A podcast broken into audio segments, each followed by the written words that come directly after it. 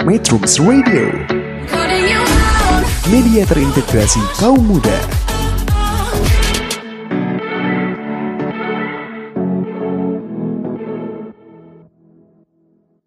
Metrum Radio Media terintegrasi kaum muda dalam jelajah komunitas. Uh, saja hari ini. Sedikit lebih um, sedikit waktu untuk uh, belajar Mandarin yuk ya bersama saya Zhang Xiaohua sore hari ini. Kenapa? Karena memang ada satu dan lain hal jadi saya datangnya sedikit terlambat. Oke. Okay. 听众朋友们，下午好，我张小华陪自己个聆听的你，在一个小时内一起参加随机汉语节目。Nah, seperti biasa, hari ini saya akan memberikan materi untuk belajar bahasa Mandarin dan juga beberapa informasi terkait Tiongkok atau China hari ini. Uh, untuk hari ini, saya akan um, memberikan materinya sangat mudah sebenarnya karena beberapa kata yang akan digunakan dalam uh, materi hari ini sudah pernah dipelajari di materi-materi sebelumnya. Jadi untuk hari ini ini akan sangat mudah terutama dengan penambahan angka. Materi kali ini saya akan mm, memberitahu cara bertanya usia dalam bahasa Mandarin. Ya. Bahasa Mandarinnya uh, usia atau umur itu adalah nianling. Jadi pada saat ingin bertanya berapa uh, usianya, ingin bertanya, bertanya tentang usia atau umur, itu wen nianling. Wen itu bertanya, nianling itu adalah usia. Jadi wen nianling ini bertanya tentang usia. Sebenarnya apa saja yang perlu diperhatikan uh, dalam menanyakan usia dalam bahasa Mandarin. Jadi yang perlu diperhatikan adalah tingkatan usianya. Jadi khusus dalam bahasa Mandarin untuk usia ini dibagi tiga sebenarnya. Untuk yang lebih tua, untuk yang seumuran, atau yang di bawah kita. Nah, untuk yang lebih tua, itu cara bertanyanya adalah nin tuo ta nian ji nin tuo ta untuk yang seusia se sebaya kita bisa bertanya ni tuota atau nin tuo ta sui shi le sui shi le nin tuo Sueshula. Untuk yang di bawah, kita bisa bertanya, Ni ji shui, Ni ji shui, atau Ni ji shui la? Seperti itu. Untuk nin tuotan, nin ji, nin artinya adalah Anda, bentuk hormat. Jadi, untuk yang lebih tua, kita harus menghormati dengan penggunaan nin, bukan menggunakan ni. Untuk tuota, tuota itu uh, berapa? Nianji itu usianya. Jadi Ji-nya di sini bukan Ji berapa, tapi gabungan Ji, jadi usia. Lalu untuk Ni Tuota, Ni Tuota, ini juga sama. Jadi berapa, uh, kamu umur berapa? Ta di sini adalah Tuo itu sebenarnya seluruh. Untuk Ta sendiri besar, jadi keseluruhan uh, kamu tuh jika diartikan perkata kamu seberapa besar Sebenarnya seperti itu, tapi bukan diartikan perkata, tapi digabung untuk kata-kata tersebut. Jadi pertanyaannya adalah berapa usiamu? Lalu nintoda sui shila. Nintoda sui shila. Sui shila di sini ini juga sama artinya menanyakan usia. Lalu untuk yang lebih mudah kita langsung menanyakan ji sui. Jisui, berapa umur? Jisui. Ya. Lalu untuk di sini tinggal ditambahkan pada saat ada yang bertanya, uh, ada orang yang lebih muda bertanya pada kita, Nintu nianji? Kita langsung saja menjawab dengan jumlah umur kita saat ini Tidak perlu ditambahkan tahun ini saya umur sekian-sekian. Tidak perlu. Jadi langsung disampaikan saja umur saya berapa. Jadi contohnya, 您多大年纪？我二十八岁了。二十八岁了。Jadi dijawab 28 岁了 itu juga betul. Dijawab 我二十八岁了 itu juga betul. Lalu di sini saya akan memberikan uh, uh, tambahan. Jadi dalam bahasa Mandarin untuk menyampaikan uh, usia itu hanya ditambahkan angka lalu sui. Sui adalah umur S U I dengan nadanya adalah nada 4 lalu ditambahkan dengan le. Le ini biasanya dibubuhkan ditambahkan dalam satu kalimat yang sudah terjadi. Jadi suela. Jadi umurnya saat ini saat ini berarti sedang kan sedang terjadi dan uh, sudah melewati uh, tanggal lahirnya seperti itu. Contoh kalimatnya. Jadi mulai hari ini saya akan memberikan sedikit-sedikit contoh kalimat untuk cara bertanya atau conversation seperti apa. Lao Shensheng, nin tuo da nian jie Ji shi le. Lao Shensheng, nin tuo da nian jie le? Ji shi le. Lao Shensheng artinya adalah uh, kakek. Jadi Lao itu artinya adalah tua, Shensheng artinya adalah tuan. Jadi jika digabung ini artinya adalah kakek. Jadi pada saat kita bertemu dengan seorang kakek-kakek di jalan atau seseorang yang belum kita kenal, uh, tapi uh, kita merasa dia bisa diajak uh, berbicara, uh, bertukar uh, informasi di lokasi tersebut, kita bisa memanggilnya dengan Lao Shensheng. Lalu Ninto ta, Ninji la, ta, la artinya berapa usianya. Nanti beliau akan menjawab langsung dengan usianya ditambah dengan le. Jadi di sini contohnya adalah ji shi le. Ji shi le. Ji shi artinya adalah 70. Ditambahkan dengan le.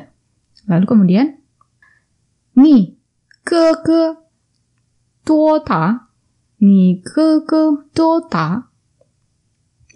ni kamu ke kakak laki-laki Tuota, usianya berapa? Jadi kakak laki-lakimu usianya berapa? Kalau punya kakak laki-laki. Tapi kalau uh, punyanya adalah kakak perempuan.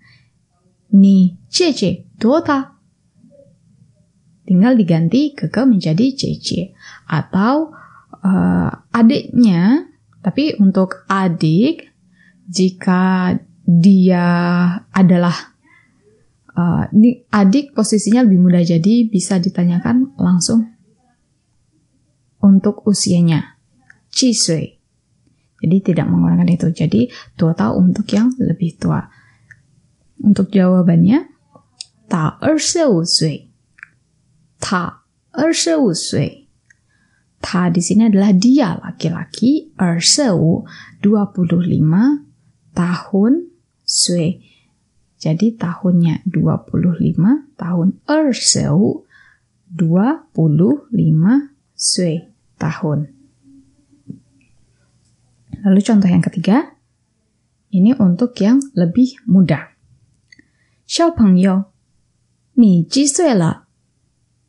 我我几岁了？小朋友，小朋友 adalah uh, panggilan untuk kita memanggil anak kecil.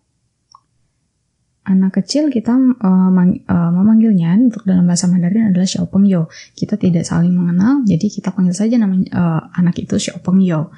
Pengyo sendiri artinya adalah teman. jadi teman kecil. Jika dipisahkan uh, per kata. Teman kecil, umur kamu berapa? Xiao Pengyo. Ni, Chi Shui Le. Wo, Ju Shui Le. Jadi saya umurnya 9 tahun. Ya, berarti untuk penanyanya di atas umur 9 tahun jika dia bertanya menggunakan Xiaopengyo. Seperti itu. Jadi saya ulang kembali untuk menanyakan yang lebih tua, nin tota nianji atau ni tota atau nin tota sui Untuk yang lebih muda, ni ji shui, ni ji shui. Jadi menggunakan ji shui langsung. Untuk jawabannya, simpan angka di depannya, lalu ditambahkan sui la. Sui la. Oke. Ya, itu untuk penjelasan tentang usia. Jadi bisa kembali didengarkan untuk materi sebelumnya tentang angka dari 1 sampai 10 lalu ditambahkan sendiri puluhan dengan angkanya itu menjadi 20, 2, 23, 30 sekian. Itu tinggal ditambahkan. Sebelumnya sudah dijelaskan. Jadi hari ini hanya menanyakan tentang usia. Oke, okay. metronom jangan ke mana-mana. Setelah ini saya akan memberikan kembali informasi tentang Tiongkok hari ini. Metrums Radio Media terintegrasi kaum muda Metro Radio Media terintegrasi kaum muda dalam jelajah komoditas. Ya, masih dengan saya Zhang Xiaohua di sini. Metronom, saya tidak ingin menyanyikan kesempatan ini. Jangan sampai lupa untuk mendownload aplikasi kita, Metrum Radio, lalu juga websitenya di metrum.co.id untuk yang belum bisa download dan yang ingin mendengarkan secara live streaming.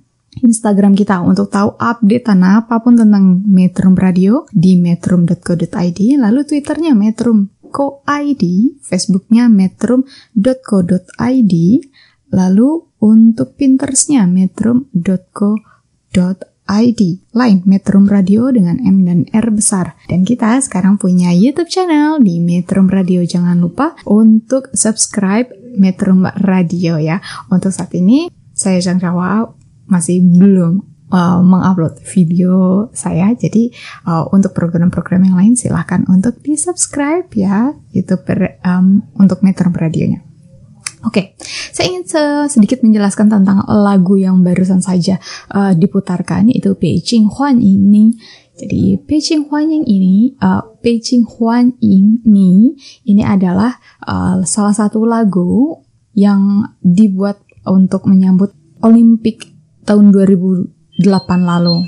Nah, jadi untuk ini adalah lagu yang uh, di putar untuk uh, menyambut Summer Olympic yang uh, berlangsung di Beijing tahun 2008. Jadi salah satu liriknya di sini adalah.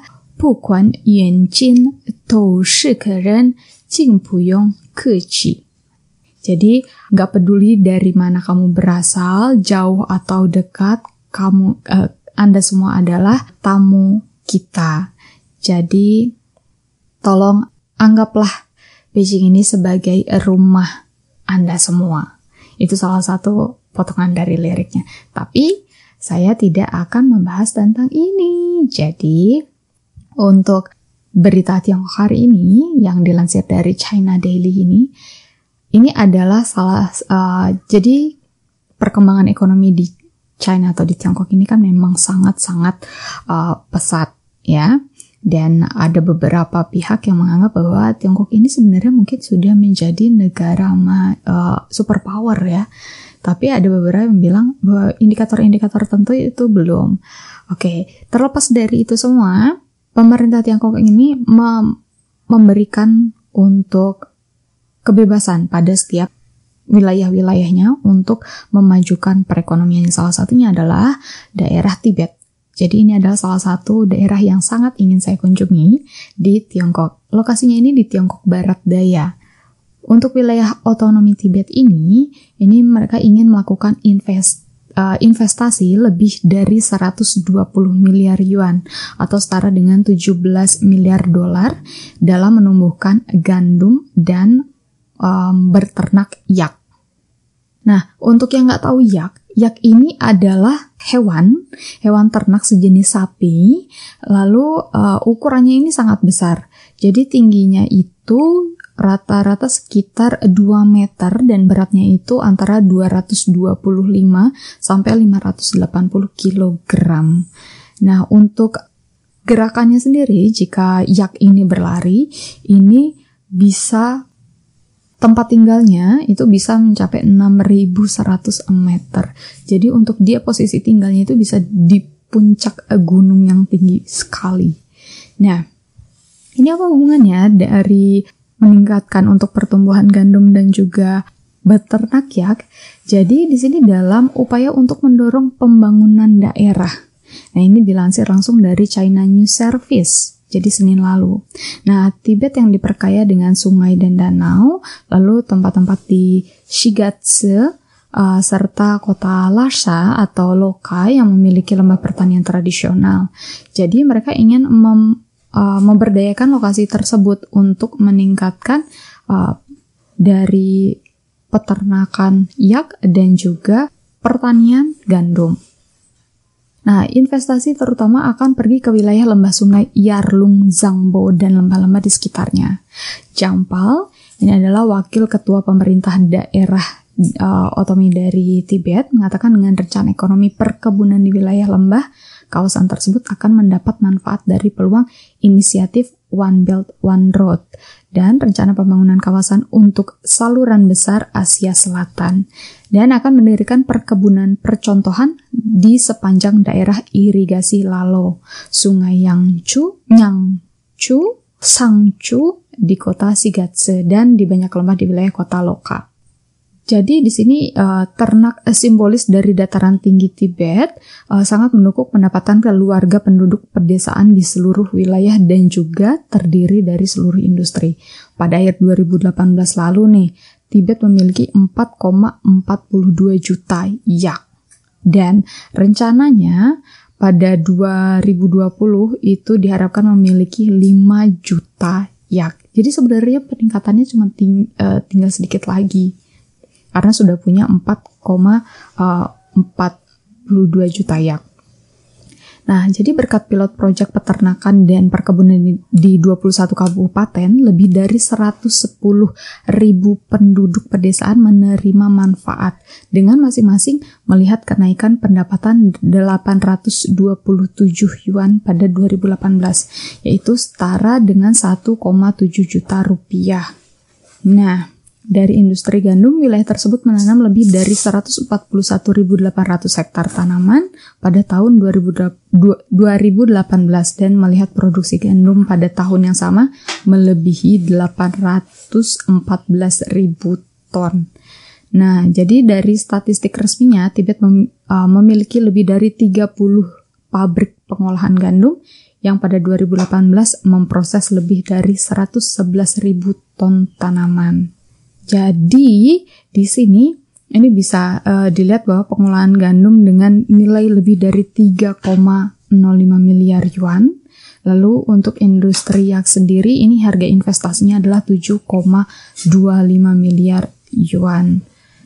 Dapat dibayangkan untuk Tibet saja itu bisa menghasilkan banyak sekali uh, pendapatan untuk warga daerahnya. Nah, kita bahas sedikit tentang Tibet. Jadi Tibet ini itu uh, untuk lokasinya itu berada di Tiongkok. Nah, untuk bahasa Mandarinnya sendiri itu disebutnya Xizang. Xizang, ya. Nah, untuk ini merupakan daerah otonomi khusus, jadi diberi nama untuk di Tiongkok sendiri itu khususnya juga Xizang. Jadi untuk pada saat bertanya ke sana, kita nggak bisa bilang untuk datang ke Tibet, karena mereka sudah punya nama sendiri gitu untuk nama Mandarinnya.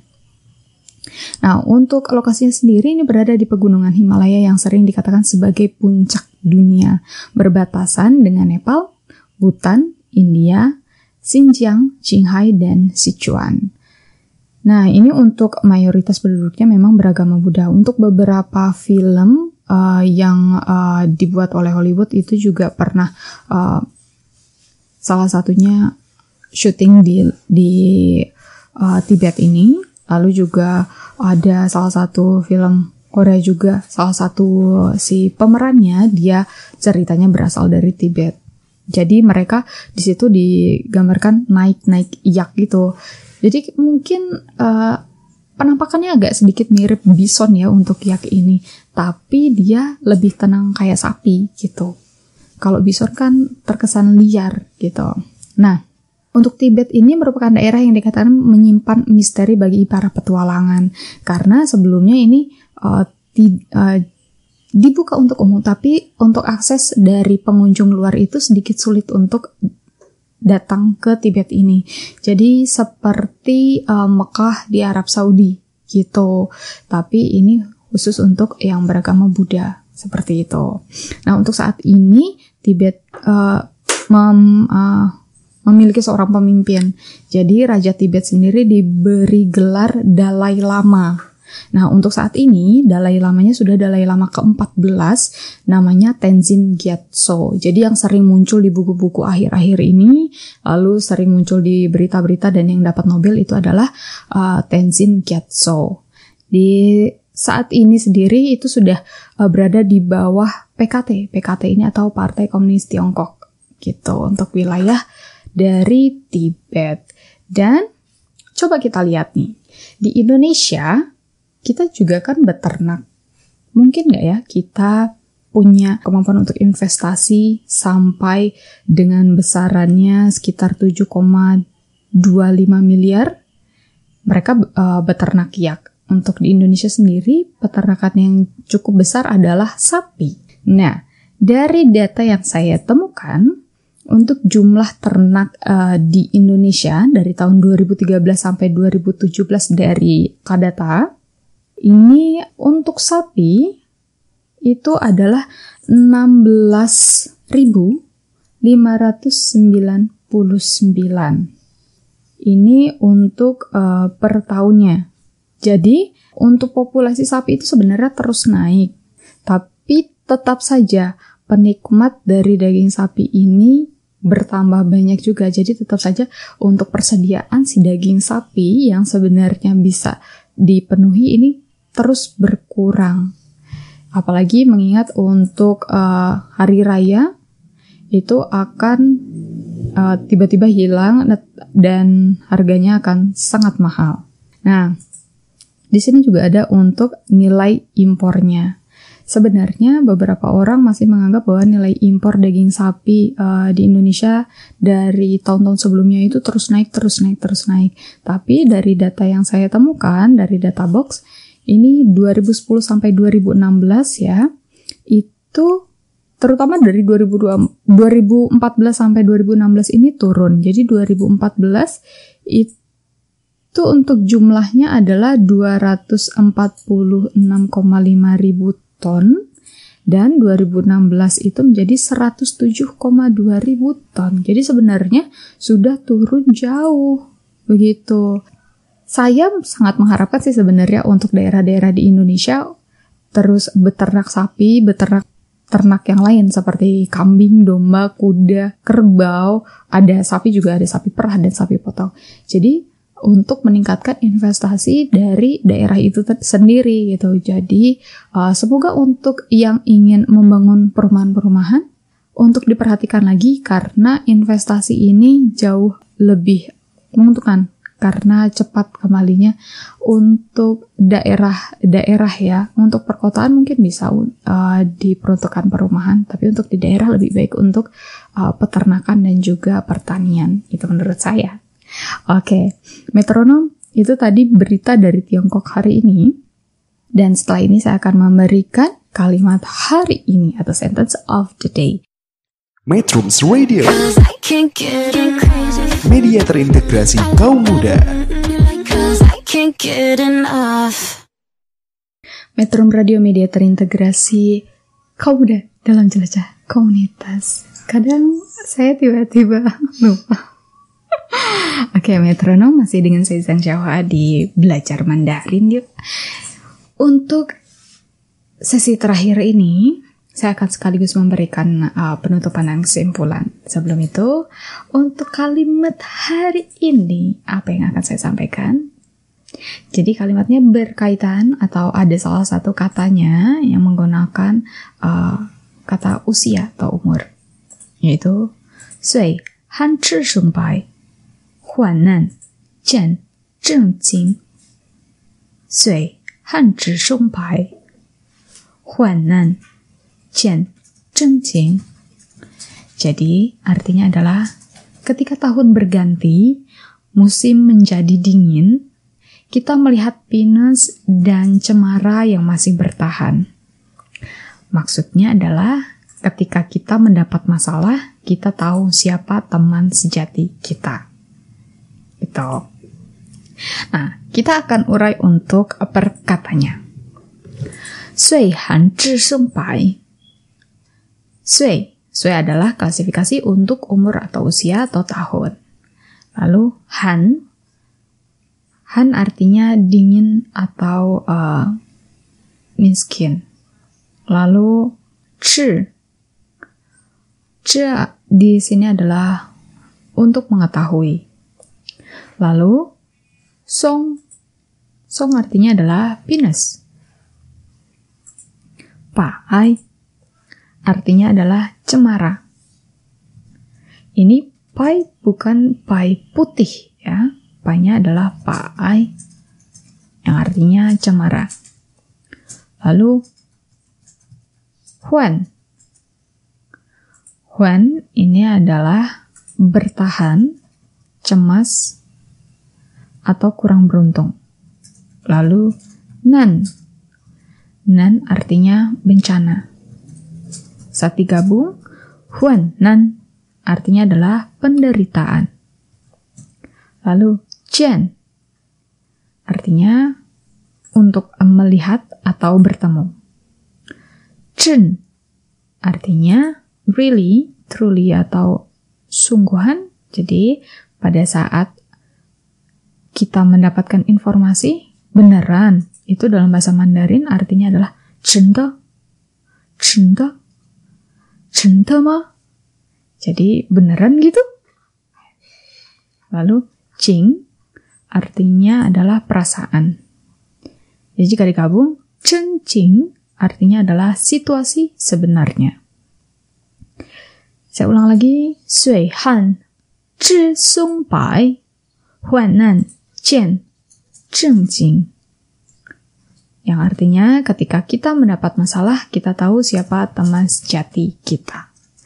Ya, itu kalimat untuk hari ini. Dan kesimpulannya adalah untuk menanyakan usia dalam bahasa Mandarin itu harus dilihat kembali klasifikasinya apakah lebih tua, sebaya, atau lebih muda. Jika lebih tua, kita menanyakannya dengan nin toda nianji atau ni toda atau nin toda sui shi Lalu untuk seusia juga sama, untuk yang di bawah, langsung saja menanyakannya dengan Ni Ji Sui.